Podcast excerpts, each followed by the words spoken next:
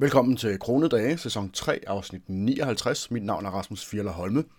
Kronedage er en podcast om penge, som du kan lytte til, når det passer dig, men som bliver udgivet hver mandag formiddag kl. 10. Kronedage handler som sagt om penge, det vil sige budgetlægning, investering, opsparing i hverdagen og alt, hvad der er relevant for, at du kan opnå så høj økonomisk frihed som muligt på så kort tid som muligt. Hvis du er glad for podcasten og synes, at den giver dig noget, jamen så håber jeg også, at du vil gå ind på pengepuren.dk-support for at hjælpe med at holde den kørende. Alternativt, hvis du kender et barn, som du gerne vil hjælpe med at få en øh, sådan godt fundament til privatøkonomien, så de kan vokse op og blive, øh, blive voksne mennesker med en solid øh, økonomi og, og dermed også en meget højere grad af, af frihed, så kan du også finde bogen Den rigeste dreng i Athen, som er udgivet, udgivet af Timothy, som bor i USA, men som jeg har oversat til dansk, fordi at jeg synes, den var er fantastisk, da jeg læste den, øh, og simultantolkede den for mine drenge, så jeg synes, at, at det var også noget, man skulle have mulighed for at, øh, at læse i Danmark. Og den kan du finde inde på pengepuren.dk-athen. I dag så skal vi tale om det, som vel nok bedst kan betegnes som mindset, som jo lidt er et buzzword, som kan betyde alle mulige ting og sager, men i virkeligheden i bund og grund er noget, der drejer sig om, øh, om psykologi, og, og her er noget med privatøkonomiens psykologi. Øh, og det drejer sig lidt om, at en effektiv privatøkonomi jo altid forudsætter, at man gør nogle ting, som afviger fra, hvad de fleste gør. Og det er jo klart, fordi at de fleste mennesker har et eller andet sted mellem en dårlig og en OK privatøkonomi. Altså det hænger sammen, og der er måske endda en lille smule overskud, men der er ikke noget, der sådan rigtig genererer en, en sådan følelse af frihed, der gør, at man ikke som, i samme grad er afhængig af et, et job eller en anden indkomstkilde. Og, øh, og det betyder jo så også, at der er meget store fordele, det er jo også det, jeg har oplevet personligt ved at fokuserer på, på, på, på en, en, en tilgang til tilværelsen, der siger, at det ikke er vigtigt for mig, hvad andre mennesker tænker. Det er vigtigt for mig, hvad der fungerer for mig, uanset om det træder uden for øh, rammerne eller uden for normerne.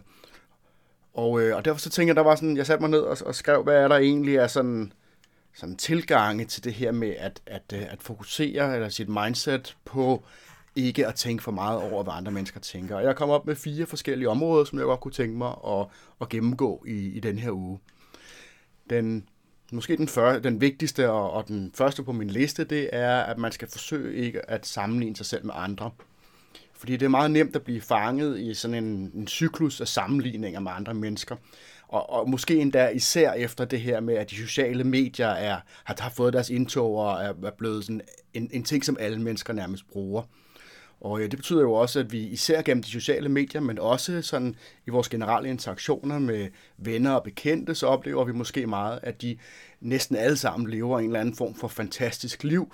Og derfor så er det også naturligt for os, at vi forsøger at sammenligne vores eget liv med det, som de præsenterer, som jo ikke nødvendigvis er det samme som det, de rent faktisk oplever til daglig. Og det betyder jo, at det meget let kan føre til en, en, en følelse af, af utilstrækkelighed og utilfredshed med, med sådan sin egen tilværelse. Man ikke har opnået det samme, man ikke har de samme ting. Og problemet er jo, at de fleste mennesker, de jo netop kun de, de deler deres højdepunkter af deres liv på de sociale medier, men også ved mindre, at det er meget tætte venner, hvor man taler sådan om de ting, som er, er hårde i tilværelsen, jamen så er det jo også folk, vi interagerer med til daglig, som forsøger at præsentere sig selv fra deres bedste side. Og det betyder jo så også, at folk meget ofte vil undgå at skrive eller fortælle om de situationer eller de tidspunkter, hvor de har det svært, eller hvor de føler sig nede, eller hvor de er øh, ikke deprimeret nødvendigvis i sådan den, den, den psykologiske forstand, men man føler sig, føler sig nede, ja. Og, øh, og den flotte bil, eller den nye designertaske, eller hvad det nu er, som de lige købt, øh, den er jo formentlig betalt med, med gæld, og det er enten direkte eller indirekte. Når jeg siger, at noget er betalt med gæld, så kan det selvfølgelig være, at man går ud og låner pengene i banken. Og det gør man jo ofte, hvis man går ud og køber en bil. Medmindre den er leaset, men det er jo også en, en form for gæld, kan man sige. Men også hvis man går ud og køber noget kontant, hvis du samtidig har gæld andre steder, og du vælger at prioritere at købe noget for det, i stedet for at afvikle noget andet gæld, jamen så køber man også tingene øh, indirekte øh, på gæld eller på, på, øh, på kredit. Og øh, ulempen er jo selvfølgelig ud over, at når man ser en eller anden køre en dyr bil på motorvejen, og måske tænker, at det ser sgu meget fedt ud, og bliver en lille smule misundelig, og måske hurtigt kommer i tanke om forhåbentlig, at jamen, han er sikkert også forgældet til højt op over, over ørerne, eller over skorstenen, eller hvad man nu siger. Og så er der også ulempen ved, at den her form for forbrug, som er sådan den, hvad skal vi kalde den, socialt acceptable form for forbrug, at det gør os meget ofte ikke rigtig glade i særlig lang tid. Sagen er, at man får et dopaminboost, når man køber noget, og man viser det frem for andre, men at det meget hurtigt aftager igen. Og lige snart at det er aftaget, lige snart vores dopaminniveau er sådan kommet ned på, på normalen igen, jamen så er man straks på jagt efter det næste kick og det næste kick. Og de her nemme dopaminkick, som man får ved at, at købe ting og sager, men det, det sammenligner jeg lidt med, at man indtager tomme kalorier, at man køber slik og kager, i stedet for at købe noget grønt eller noget godt kød og sådan nogle ting. Og, øh, og på samme måde, jamen, så giver det et eller andet midlertidigt sukkerkick, men det fører ikke til varig glæde.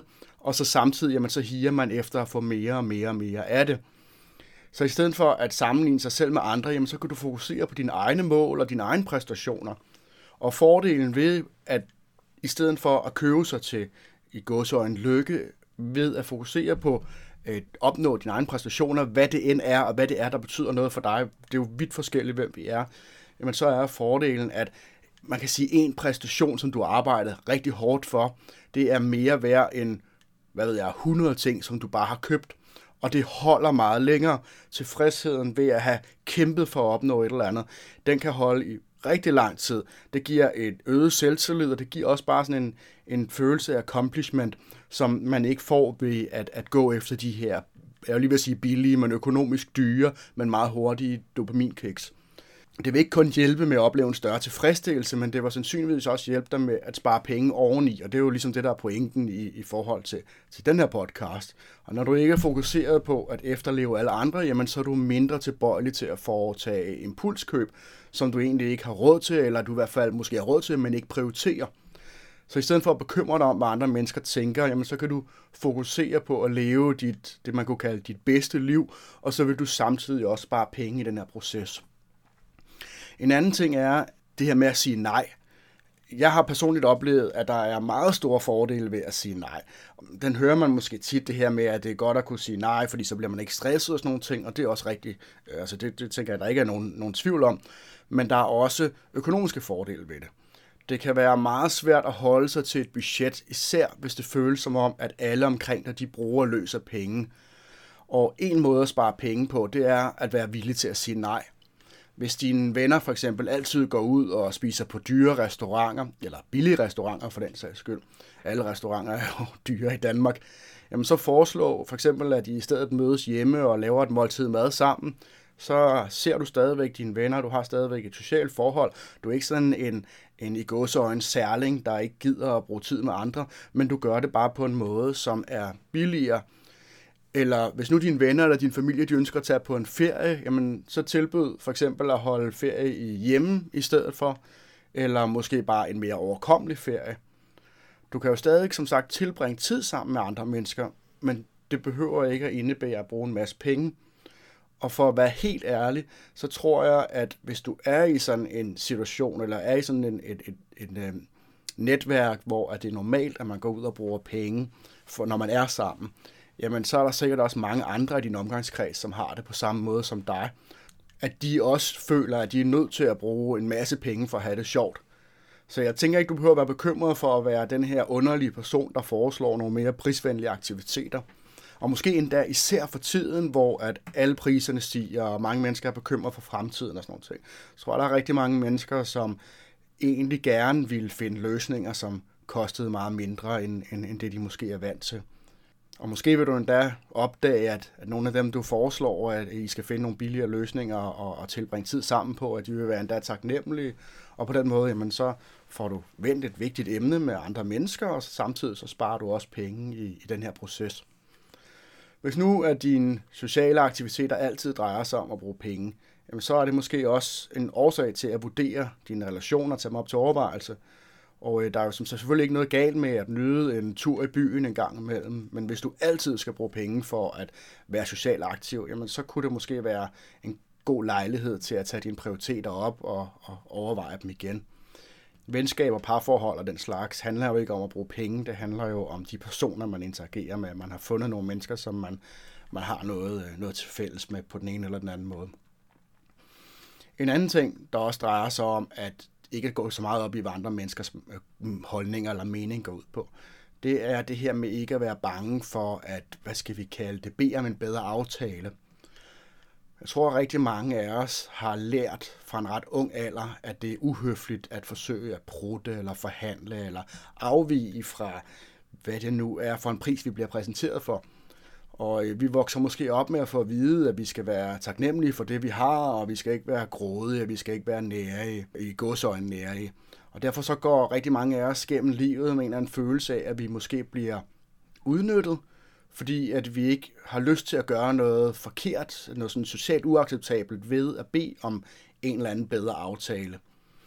Og i virkeligheden, så kan man jo faktisk meget ofte spare, eller nogle gange tjene ret mange penge, ved bare at være villig til at forhandle, og øh, gå folk lidt, en lille smule på klingen. Du tvinger jo ikke nogen til at gøre noget, som de ikke har lyst til at gøre. Du beder bare om det, som du øh, mener er, er en rimelig aftale. En anden ting er også, at de her udvekslinger i, i, i mange tilfælde, det foregår med folk, som du måske aldrig møder igen. Så der er jo ikke en stor risiko for at fornærme dem eller skade et forhold, hvis nu for eksempel det er en, en bilforhandler eller en øh, forsikringsassurandør eller noget andet. Og, og så er det jo også sådan, at alle, alle normale mennesker, de vil ikke blive fornærmet over, at du forsøger at få en, en bedre aftale. I øvrigt, en, en, en, en lille sidebemærkning er, at nogle gange så tænker jeg, at det her socialt acceptabelt eller uacceptabelt, når jeg er i en anden form for interaktion med mennesker.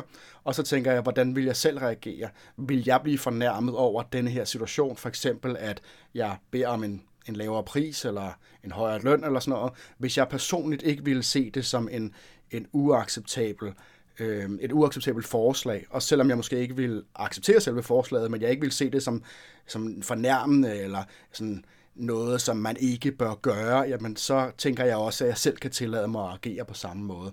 Jeg tænker, at vores egen reaktion i de fleste sociale sammenhænge er også den reaktion, som andre mennesker vil, vil have. Og det værste, der kan ske, når man forsøger at forhandle, det er jo selvfølgelig, at du får et nej. Men måske vil du endda blive overrasket over, hvor ofte du faktisk vil få et, et ja. Og så er der selvfølgelig nogle situationer, hvor det er upassende at prutte om prisen, men generelt så gælder det, at hvis du ikke spørger, jamen så finder du aldrig ud af det. Så næste gang du skal til at købe noget, så skal du ikke være bange for at bede om en rabat, og du vil måske blive overrasket over, hvor meget du kan spare, og så skal du heller ikke være bange for at forhandle, når det drejer sig om alle mulige ting, for eksempel løn, eller som sagt forsikringer, eller husleje, eller renten på dit boliglån, og alle sådan nogle ting. Og øh, du får måske ikke altid det, du ønsker. Du får bestemt ikke altid det, du ønsker, men det skader aldrig at spørge. Og min personlige erfaring, det er, at den bedste måde at få det, du ønsker, det er at tænke over, hvad den anden part ønsker. Altså forsøge at sætte sig i, jeg var lige at sige modparten, men det giver sådan lidt et indtryk af, at der er sådan en, ja, man sådan clasher lidt med hinanden. Men at forsøge at sætte sig i den anden parts sted, og, øh, og se, hvad er det egentlig, de gerne vil have. Hvad, hvad kunne jeg måske tilbyde dem, som, øh, som gjorde, at de ville sige ja til mit forslag? Nogle gange så er det jo bare sådan, at du ved, hvis du køber, øh, hvis du står over for en købsituation, jamen, så ved du, at det de gerne vil have, det er, at du betaler dem penge, at du, du køber varen. Og der kan det måske være nok bare antydet, at du måske går til en anden virksomhed, eller til deres konkurrent, eller hvad det nu er.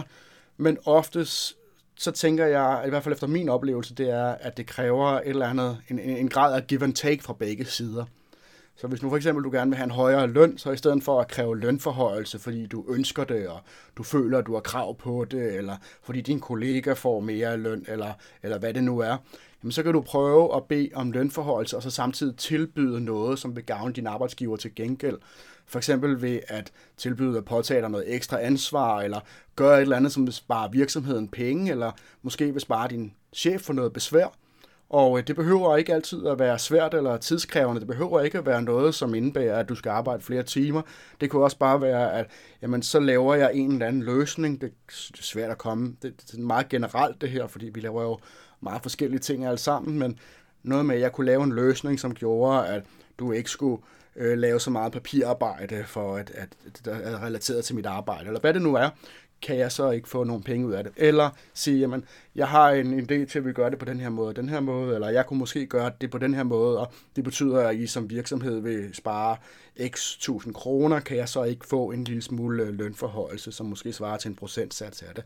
Eller et eller andet, hvor, at man, man, der, hvor der er noget give and take, og hvor man giver et incitament til at nå det resultat, du også gerne vil nå. Og, øh, og så er der lidt den store ting omkring det her med ikke at tænke over, hvad andre mennesker siger. Og det er det her med at ikke bukke under for samfundets pres. Man kan meget nemt blive optaget af, hvad samfundet siger, at vi skal gøre, eller hvad vi skal have for at være lykkelige og for at vi skal have succes. Men hvis vi følger de her samfundsnormer, så kan det meget ofte føre til, hvad skal vi kalde det, suboptimale privatøkonomiske beslutninger. Fordi rigtig mange af de her forventninger, de er øh, uorganiske, om man så må sige. De er ofte ikke baseret sådan på vores egne ønsker, eller, eller ikke foreslået af mennesker, som bekymrer sig om, om dine specifikke behov, om hvad der vil gøre dig glad, men i stedet for er, er baseret på, hvad der vil gavne nogle andre, for eksempel selskaber, reklamevirksomheder, medierne eller politikerne. Og, og de her krav, de er skabt for at få os til at bruge penge eller tilpasse os deres præferencer på en eller anden måde, og ikke nødvendigvis for at gøre dig lykkelig. Andre gange så er de baseret på, hvad folk i vores private omgangskreds ønsker, hvilket måske eller måske ikke er i overensstemmelse med vores egne mål og værdier. Og det kan der være mange forskellige grunde til, men der er ikke nogen grund til at antage, at bare fordi, at nogen, som generelt holder af en, synes, man skal gøre noget bestemt, at det så faktisk er, at det der rent faktisk vil gøre dig øh, lykkelig eller tilfreds. Og jeg siger ikke overhovedet, at samfundsnormer generelt altid er dårlige. Rigtig mange normer de er jo baseret på generationer af hårdt vunden viden og erfaring. Og det indebærer jo for eksempel, at det i de fleste samfund forventes, at man generelt ikke stjæler, eller man ikke er voldelig over for andre, men også nogle mindre ikke-kriminelle ting, såsom at vi er høflige over for hinanden. Og det er jo alle sammen gode ting, som vi jo selvfølgelig har udviklet, fordi at det er godt både for samfundet, men også for os selv. Men samtidig så synes jeg, det er vigtigt at være opmærksom på, hvornår vi følger de her samfundsforventninger eller samfundskrav blindt, og at vi så stiller spørgsmålstegn ved, hvorfor vi gør det. Og så tror jeg også, at vi meget ofte forventer de her samfundsmæssige forventninger med vores personlige præferencer, så det ikke er nogle præferencer, vi selv har opbygget, fordi at vi, vi kan se fornuften i det, men fordi det er bare, vi har fået at vide, at det er sådan, det er, og, øh, og så føler vi også, det er det, uden at det nødvendigvis er, er noget, der fungerer for den enkelte. Men jeg foreslår så, så heller ikke, at du altid bare går ud og bryder alle normer, fuldstændig uanset hvad det er for nogen. Men det jeg siger er, at du ikke skal lade populære forventninger styre dit liv, eller, eller diktere øh, det, der skal gøre dig lykkelig. I stedet for så gør det, som gør dig glad, og ikke det, som du tror vil gøre andre glade, eller som vil imponere dem.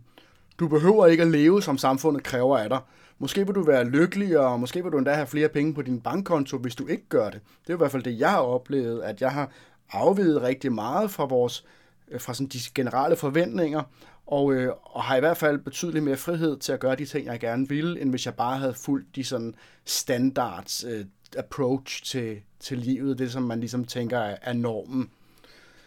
Så fokuser på det, der vil gøre dig og din eventuelle familie lykkeligere, og så i stedet for for eksempel at købe en dyr bil, bare fordi det er det, der i gåsøjne forventes, jamen så kan du for eksempel vælge en model, der opfylder dine behov og, og samtidig også passer til dit budget. Eller hvis du ikke føler behov for for eksempel at tage på ekstravagante ferier hvert år, jamen så overvej at blive hjemme og drage fordel af det. Måske bare i, i Danmark, eller endda dit lokalområde, eller endda du kan bare blive din have, hvis du har en, som du er glad for, og den har noget godt at byde hen over sommerferien.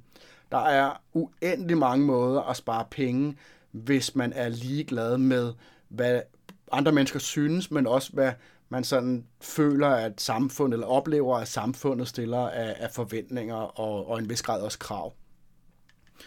Som i de fleste andre ting i livet, jamen, så er det jo selvfølgelig øvelse, der gør mester. Ofte så er det ikke let at øh, afvige fra samfundsnormerne og, og ikke bekymre sig om, hvad andre mennesker tænker, eller i hvert fald i mindre grad bekymre sig om det. Fordi vi er jo sociale øh, i en dyr, og det kan være ret svært at gå mod vores natur. For i, i 10.000 år, øh, i, virke, i virkeligheden nok 100.000 år, jamen, så er vi jo blevet indrettet til at søge anerkendelse fra vores stamme. Og det kunne jo i fortiden være, have ganske alvorlige konsekvenser, hvis man overskred grænserne for, hvad der var sådan socialt acceptabelt. Hvis durk ikke var blevet accepteret af sin stamme, jamen, så ville han sandsynligvis være blevet forvist og, og sultet ihjel, eller noget lignende, måske endda blevet slået ihjel. Han var i hvert fald ikke, formentlig ikke overlevet og været i stand til at formere sig og ligesom få sine gener ført videre.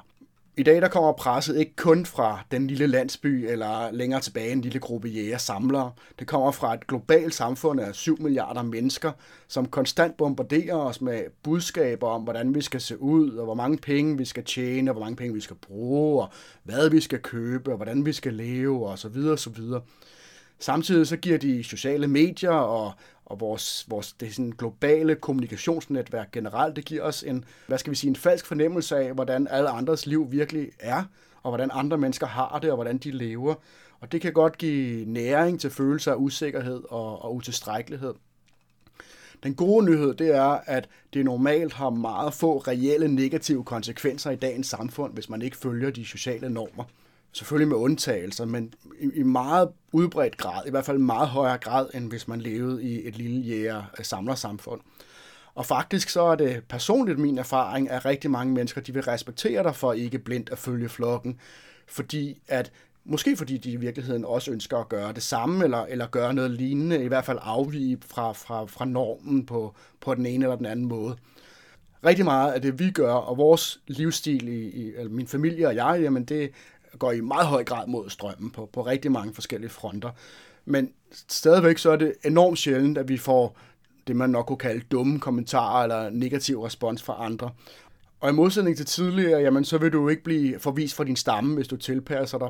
I hvert fald i de fleste tilfælde og i de fleste former for, for fællesskaber. Der er selvfølgelig nogen, som er knap så inkluderende som andre, men generelt set, jamen, så kan man gøre rigtig meget, uden at man bliver udelukket af, af sådan det store fællesskab.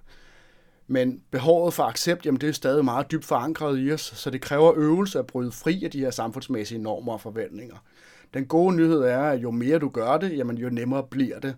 Så hvis du gerne vil tænke mindre over, hvad andre mennesker de tænker om dig, jamen, så kunne det måske være en øh, løsning at starte lidt i de små.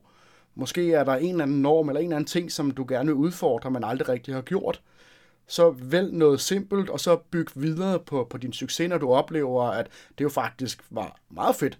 Som de fleste ting i livet, jamen så gør øvelse jo mester, og med tiden så vil det blive meget lettere. Og øh, så kan jeg også sige af personlig oplevelse, at du måske endda også vil nyde at afvige lidt fra standarderne. Det var ugens afsnit af Kronedage. Jeg håber, du kunne bruge det til noget. Og som sagt, hvis du kunne, så gå ind på pengepuren.dk-support eller Find bogen Den rige dreng i Athen på pengepuren.dk-athen. Og ellers så er der bare at sige tusind tak, fordi du lytter med. Pas godt på jer selv derude.